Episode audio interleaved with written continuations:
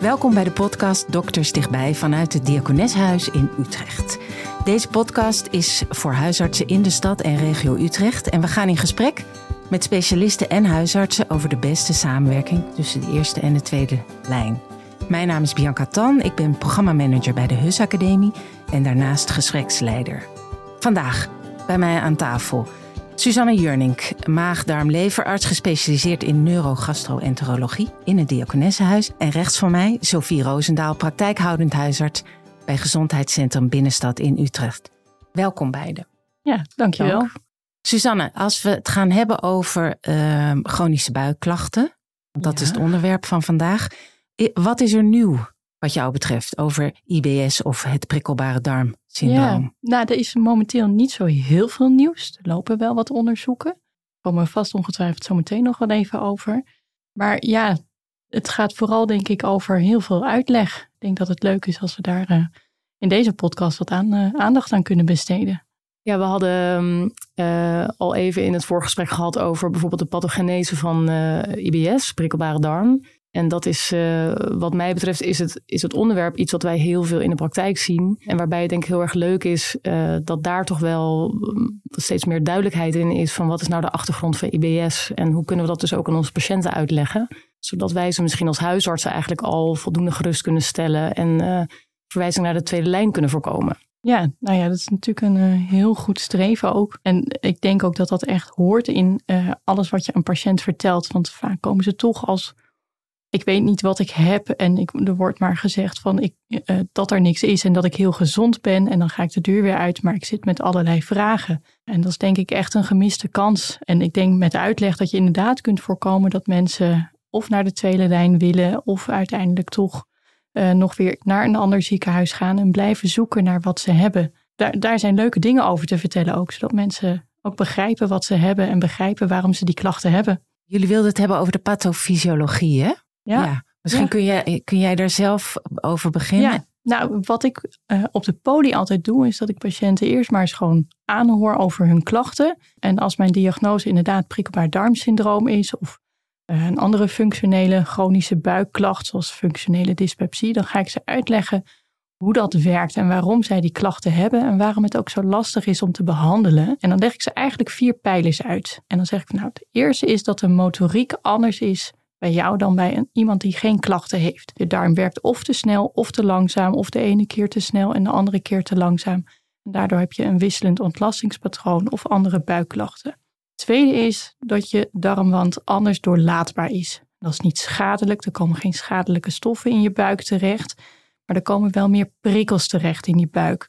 En daardoor wordt je lichaam gewoon meer geactiveerd en krijg je pijn of je misselijk. Um, en dat komt gewoon omdat er meer prikkels vrijkomen in die, in die buik, waardoor je lichaam reageert. En dan is er nog een derde pijler, dat noem ik de hypersensitiviteit, ook wel de overgevoeligheid of overspannenheid van het systeem, zoals ik dat vaak uitleg. En dat betekent eigenlijk dat elk signaal wat wordt gegeven door het lichaam heel erg wordt uitvergroot uh, en naar boven wordt gestuurd, waardoor een normale prikkel dus heel erg sterk wordt. Dus daardoor heb je ook vaker meer pijn.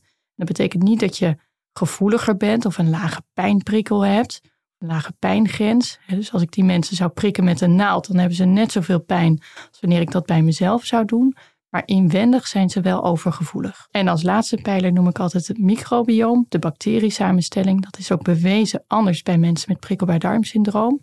Nog wel een beetje kip-ei verhaal, want we weten niet of dat dan de oorzaak is van de klachten of het gevolg van de klachten, omdat mensen vaak ook hun voedingspatroon anders maken. Maar het is wel anders. En daardoor kunnen mensen ook andere ontlasting krijgen of meer buikklachten. En afhankelijk van die vier pijlers uh, gaan we dan ook daarna door naar de mogelijke behandelopties. Dat is wat ik een beetje in ieder geval uitleg aan patiënten waarom ze de klachten hebben zoals ze die op dat moment hebben. En waarom het voor geen enkele patiënt hetzelfde is. En als je het hebt over die, die behandelmogelijkheden, kijk je dan, is het een soort maatwerk wat aan de hand van de klachten uh, een van die vier pijlers uh, of een voorspeller is welke behandeling dan goed aansluit? Of is dat echt een kwestie van trial and error? Het is vaak wel een beetje uitproberen. Dat leg ik patiënten ook uit, want er is nooit één behandeling beter dan de ander.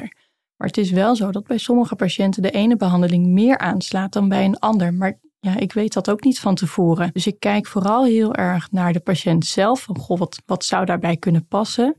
Ehm, als iemand heel erg voedingsgerichte klachten heeft, dan ben ik al wat eerder geneigd om bijvoorbeeld iets meer over het FODMAP-dieet te vertellen. En dan via een diëtiste. Ehm, maar als iemand daar helemaal niet voor open staat, dan, dan, ik vertel het wel. Maar ja, dan zeg ik ook van ja, als jij niet gemotiveerd bent om dat te doen, dan moet je er ook echt niet aan beginnen, want dan is het gewoon kansloos. Ja, ja dat, dat, dat FODMAP, wat, hè, want eh, nou ja, ik denk dat wij als huisartsen heel veel naar de diëtist verwijzen bij de klacht van, uh, van IBS. Uh, eh, maar dat ik bijna altijd van patiënten terughoor van ik hou het niet vol, dat, dat lukt mij niet. Wat is er zo moeilijk aan, Sophie? Wat moet je dan nou, je laat eh, bepaalde voedingsmiddelen weg, maar dat zijn eigenlijk hele, uh, ja, hele alledaagse uh, zaken. Ik moet eerlijk zeggen dat ik de hoed en de rand ook niet weet, maar de zogenaamde FODMAPs, dat is een afkorting voor, uh, ja, Suzanne weet het ongetwijfeld beter dan ik. Maar dat is voor patiënten heel moeilijk, want dat, ja, als je uit eten gaat of je hebt een feestje of ja, je moet wel heel erg toegewijd zijn, wil je dat volhouden. Ja, het is echt wel een lastig dieet. een FODMAP is een afkorting voor verschillende typen suikers zoals fructose, oligosacchariden, disacchariden enzovoort. Ja. En daar horen inderdaad onder elk type suiker horen bepaalde voedingsmiddelen en die passen normaal gewoon in je dagelijkse leven. Het vraagt echt wel veel aanpassingsvermogen, met name in het begin van het dieet van een patiënt. Dus hij moet er wel echt gemotiveerd voor zijn. In het begin mogen ze heel veel niet. En na verloop van tijd wordt er steeds meer geherintroduceerd. Zodat je uiteindelijk wel gewoon een heel volwaardig dieet overhoudt. Maar het is wel een dieet wat je dan de rest van je leven waarschijnlijk moet volhouden. Ja. Ja, Jullie hebben elkaar eerder ontmoet bij een um, huisartssymposium, waar jullie een, hoe zou ik het noemen, een kort college gaven. Sophia had daar, ja, het was voor jou echt een eye-opener om met Suzanne over uh, buikklachten te spreken. Ja, het was heel leuk, want je bereidt dat natuurlijk zelf voor. En kijk, als huisarts heb je, het klinkt misschien een beetje gek, maar je hebt een beetje je trucjes. Hè? Je hebt je manieren waarop je met klachten omgaat. Je hebt namelijk al, vaak al vrij snel door, volgens mij heb ik hier te maken met prikkelbare darmsyndroom. Uh, en dan heb je gewoon een vaste diagnostiek die ik dan als huisarts doe als iemand zegt van nou, ik heb al zo lang klachten. Ik wil, wil, dat er nu echt iets gebeurt. Dus dan doe je bloedonderzoek. Ik, ik nou, onder andere celiakie-diagnostiek. Eh, je sluit dingen uit. Maar ik liet me ook nog wel eens verleiden tot bijvoorbeeld een lactose-tolerantietest. En ik, van Suzanne heb ik geleerd dat dat gewoon echt niet zinvol is. Sindsdien, sinds we dat symposium gaven, uh, heb ik dat dus ook niet meer aangevraagd. Hè? Dus dat zijn hele kleine dingen, maar die hebben dus wel implicaties voor de praktijk. En doe ik nu gewoon echt alleen nog maar de eliminatie-provocatietest. En een ander ding van dat symposium is de tip van een website uh, pdsb.nl. Kan ik echt iedereen aanraden. Wij verwijzen als huisartsen veel naar de website van Thuisarts. En de MDL-stichting heeft ook een hele goede voorlichting, maar dat pdsb.nl. Ik heb verder geen aandelen, maar ik zou hem toch erin willen gooien, want kijk er ook als huisarts op. Ik denk namelijk, kijk, als je kijkt naar onze richtlijn, uh, onze NAG-standaard komt uit 2012. Dat is echt lang geleden. Er, is, er, is, er zijn echt wel veel nieuwere inzichten, nou, zoals die patofysiologie waar we het net over hadden. Nou, en daar sluit de behandeling tegenwoordig ook steeds meer op aan. Dus uh, dat staat heel goed op die website uitgelegd. Ja, het is echt, uh, ik verwijs ook patiënten er naartoe, um, omdat het heel overzichtelijk is en nou, fijne plaatjes waar je lekker makkelijk naar kunt kijken. Ik ben ook wel bezig om nu voor het ziekenhuis zelf uh, een website te maken met eenzelfde soort inhoud. zodat we straks ook gewoon naar onze eigen site kunnen verwijzen.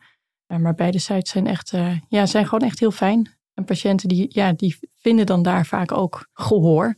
En van, oh ja, oh, dat herken ik. En ja, dan kunnen ze vaak ook, ik vraag ze vaak om in te lezen voor het volgende polygesprek, zodat ik ook daarna makkelijker tot een behandelkeuze kan, kan komen. En wat ik zelf altijd doe, bespreek altijd alles, dus alle opties die er zijn. En als ik zelf een specifieke voorkeur heb, omdat ik denk van, nou, dit zou wel beter bij jou passen, dan geef ik dat ook wel aan. Maar ik laat ze in principe altijd drie keuzes maken van dingen die zij zelf willen. Dan nemen ze hun eigen verantwoordelijkheid. En dat is echt wel een tip die ik je wil meegeven. Mhm. Zorg dat de patiënt zijn eigen verantwoordelijkheid pakt voor zijn behandeling. En daarmee gaat hij dan eigenlijk eh, de komende zes maanden mee aan de slag. Dan houdt hij zelf de regie over. Ik weet wat ik moet doen, dus ik hoef niet elke keer weer bij de huisarts terug of bij de specialist. Ik ga nu eerst stap 1 doen, daarna ga ik stap 2 doen en dan stap 3. Dus dat ontzorgt jezelf uiteindelijk ook heel erg en dat geeft de patiënt regie en meer houvast over zijn eigen behandelstrategie. Ja. En dat werkt echt heel erg goed.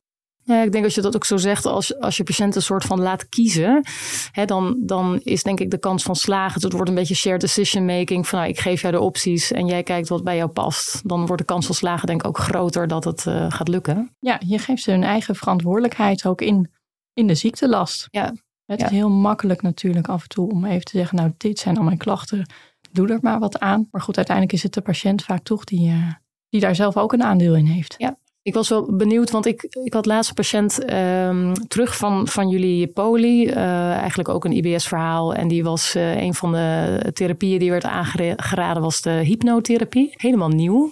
Suzanne kijkt heel vies nu. Nee, zeker niet. Nee, heel blij zelfs okay. ook. Nou, het is eigenlijk helemaal niet zo nieuw, want we doen het echt al, uh, uh, al een aantal jaar. Ik heb dat nu sinds ik werk in het DIAC, dus sinds anderhalf jaar heb ik dat wel echt meer serieus opgepakt samen met onze klinische psychologen. Zij geven dat namelijk. Maar hypnotherapie, het effect daarvan is eigenlijk vergelijkbaar met het FODMAP-dieet. En mensen die zijn altijd een beetje huiverig, omdat het heel vaag en zweverig klinkt. Maar dat is het eigenlijk helemaal niet. Het hoeft ook niet per se via onze klinische psychologen, maar er zijn genoeg hypnotherapeuten ook in uh, Utrecht en omgeving. Maar wat uh, patiënten daar leren is met name iets over die hypersensitiviteit. Dus wat het lichaam doet is dat hij overdreven reageert als een soort paniekreactie op een trigger. En ze leren daarmee dat die trigger die gaat niet weg natuurlijk. Dat kun je niet helemaal voorkomen. Maar ze leren hun lichaam om niet die paniekreactie te ver veroorzaken. Dus meer in rust, in bewustzijn dat te doen. Dus het valt een beetje onder de mindfulness. Mensen die krijgen um, geloof zes weken lang krijgen ze één keer per week krijgen ze een sessie. In groepsverband is dat bij ons in het ziekenhuis. Dan gaat de psycholoog die, die vertelt een soort meditatieverhaal gericht op buikklachten met ademhalingsoefeningen en ontspanningsoefeningen. En dat krijgen ze op een mp3 krijgen ze dat mee naar huis. En dan moeten ze ook serieus huiswerk doen. Dat moet ook echt, want anders is het niet effectief. En je ziet daar echt wonderbaarlijk toch wel effect van. Ja, mensen het, ja, ik vind het heel leuk. Ja. Um, en ik denk ook dat het echt beter is dan de, de, de, potjes en pillen. Want je, je grijpt het probleem eigenlijk wel bij de wortel aan. Ja. Er staan, bestaan ook dingen als neuromodulatoren, de amitriptyline of de noortriptyline. Prikkelgeleiding een beetje dempen. Maar goed, ja, weet je, dat is een beetje symptoomverlichting ja. natuurlijk. Terwijl de eigenlijke oorzaak uh, toch vaak ook wel te maken heeft met psychosociale problematiek of stress of burn-out. Uh, wat er daadwerkelijk ook echt wel een rol speelt. Niet de ja. oorzaak is, maar wel een rol speelt in hoe mensen de klachten ervaren. Ik denk ook wel heel herkenbaar voor ons uh, wat betreft patiënttype. Ja, dus de, je merkt natuurlijk ook wel dat, uh, dat klinkt bevoordeeld, maar de, de, het is wel een bepaald type patiënt. Ja, dus inderdaad, je ziet vaak wel invloed van stress of mensen met een hoog streefniveau of uh, die eerder dit soort klachten krijgen. Ja, ik weet niet hoe dat in jullie in de huisartsenpraktijk gaat, maar ik besteed daar ook echt bewust aandacht uh, aan, met name in het eerste consult, om dat eens uit te vragen. Hè. Hebben mensen een verleden met psycholoog of psychiater, of hebben ze een verleden met trauma's, um, seksueel misbruik, uh, pesten, geweld? Ja, dus ik schroom niet om dat uh, ja. ook in het eerste gesprek al te vragen. Ja, ik denk, ik denk bij uitstek ligt dat, ligt dat bij ons als huisarts. Wij kennen vaak die achtergrond. En, Maar hoe lang heb jij voor een consult, Sophie?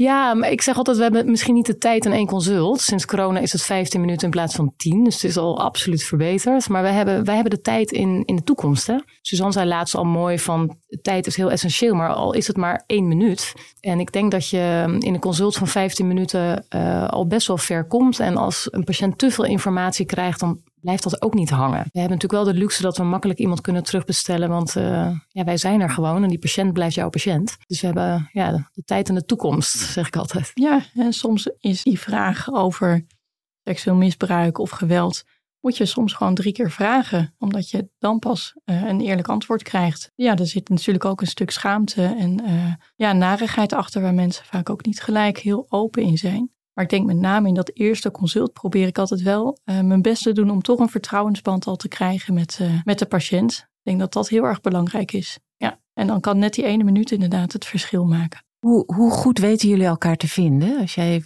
met een patiënt zit, bel, bel je dan gelijk? Of hoe? Ja, nou ja, er, gebe er gebeurt wel van alles in het contact tussen specialist en huisartsen. Hè? Dus dat is door corona natuurlijk ook allemaal wat, wat, wat veranderd. Maar het huisartssymposium en uh, je hebt de, de speed date, de haspels heet dat, uh, dat je elkaar ontmoet. Maar het is inderdaad wel, want het is ook uh, als, als ik een patiënt zou hebben die, nou ja, die ik toch verwijs al omdat ik er gewoon niet uitkomt. Terwijl, hè, dan weet ik Suzanne wel te vinden. Ja. ja dit, dit, het, als je elkaar kent, dan, dan werkt dat ook prettiger samen. Dat is gewoon zo. Jij had tot slot nog een vraag uh, Sophie, over een patiënt. Iets is heel, heel populair. SIBO is nu populair. Oh ja. Ja, kijk, patiënten die googelen ook. En uh, dat zeggen ze ook. Ze komen er allemaal voor uit. En, maar die vinden ook dingen waarbij je denkt, ja, weet je, het is zwart en wit en staat in de wei. En die patiënt denkt dat het een zebra is. Maar goed, die vragen krijg jij als huisarts allemaal. Van, kan het geen SIBO zijn? En ik weet nog dat het de eerste keer dat ik dacht, ik weet niet eens wat het is, joh. dus die vraag kreeg ik een aantal jaren geleden. En mensen met chronische darmklachten gaan natuurlijk ja, die eindeloos googelen en vinden dus ook dingen zoals dit. Ja, wat zeg je dan? Nee, ja, SIBO, dat, dat betekent bacteriële overgroei in je dunne darm. En als je daar inderdaad op googelt, nou, dan kom je heel veel klachten tegen. Die passen bij prikkelbaar darmsyndroom, maar ook bij SIBO. En dan is prikkelbaar darmsyndroom toch iets minder sexy dan SIBO. Dus de patiënt heeft dan toch altijd voorkeur om liever SIBO te hebben. Maar ja, dat, dat is echt een hele zeldzame diagnose die je eigenlijk alleen ook maar uh, ziet bij mensen die een ingreep hebben gehad in hun buik, waarbij er bijvoorbeeld een stuk dunne darm is verwijderd, uh, omdat ze een streng ilius hadden bijvoorbeeld, of een invaginatie. Dus dan is de anatomie veranderd uh, en dan is er een kans dat je een SIBO krijgt. maar over het algemeen bij jonge mensen zonder significante voorgeschiedenis, die hebben geen SIBO. Ja. Nee. En hoe fijn is dat hè? als je dus zo'n uh, kant-en-klaar antwoord uh, van de specialist krijgt, als een patiënt je die vraag stelt, dat je gewoon heel concreet kan zeggen: nee, daar, daar past dit niet bij, dat is het niet. Kun je gelijk van tafel. En zo'n vraag kan je bijvoorbeeld uh, in, een, in een teleconsult ook stellen: hè? van ik krijg deze vraag en wat vind je daarvan? Ja, en dan heb je gelijk ook je link weer met het microbioom.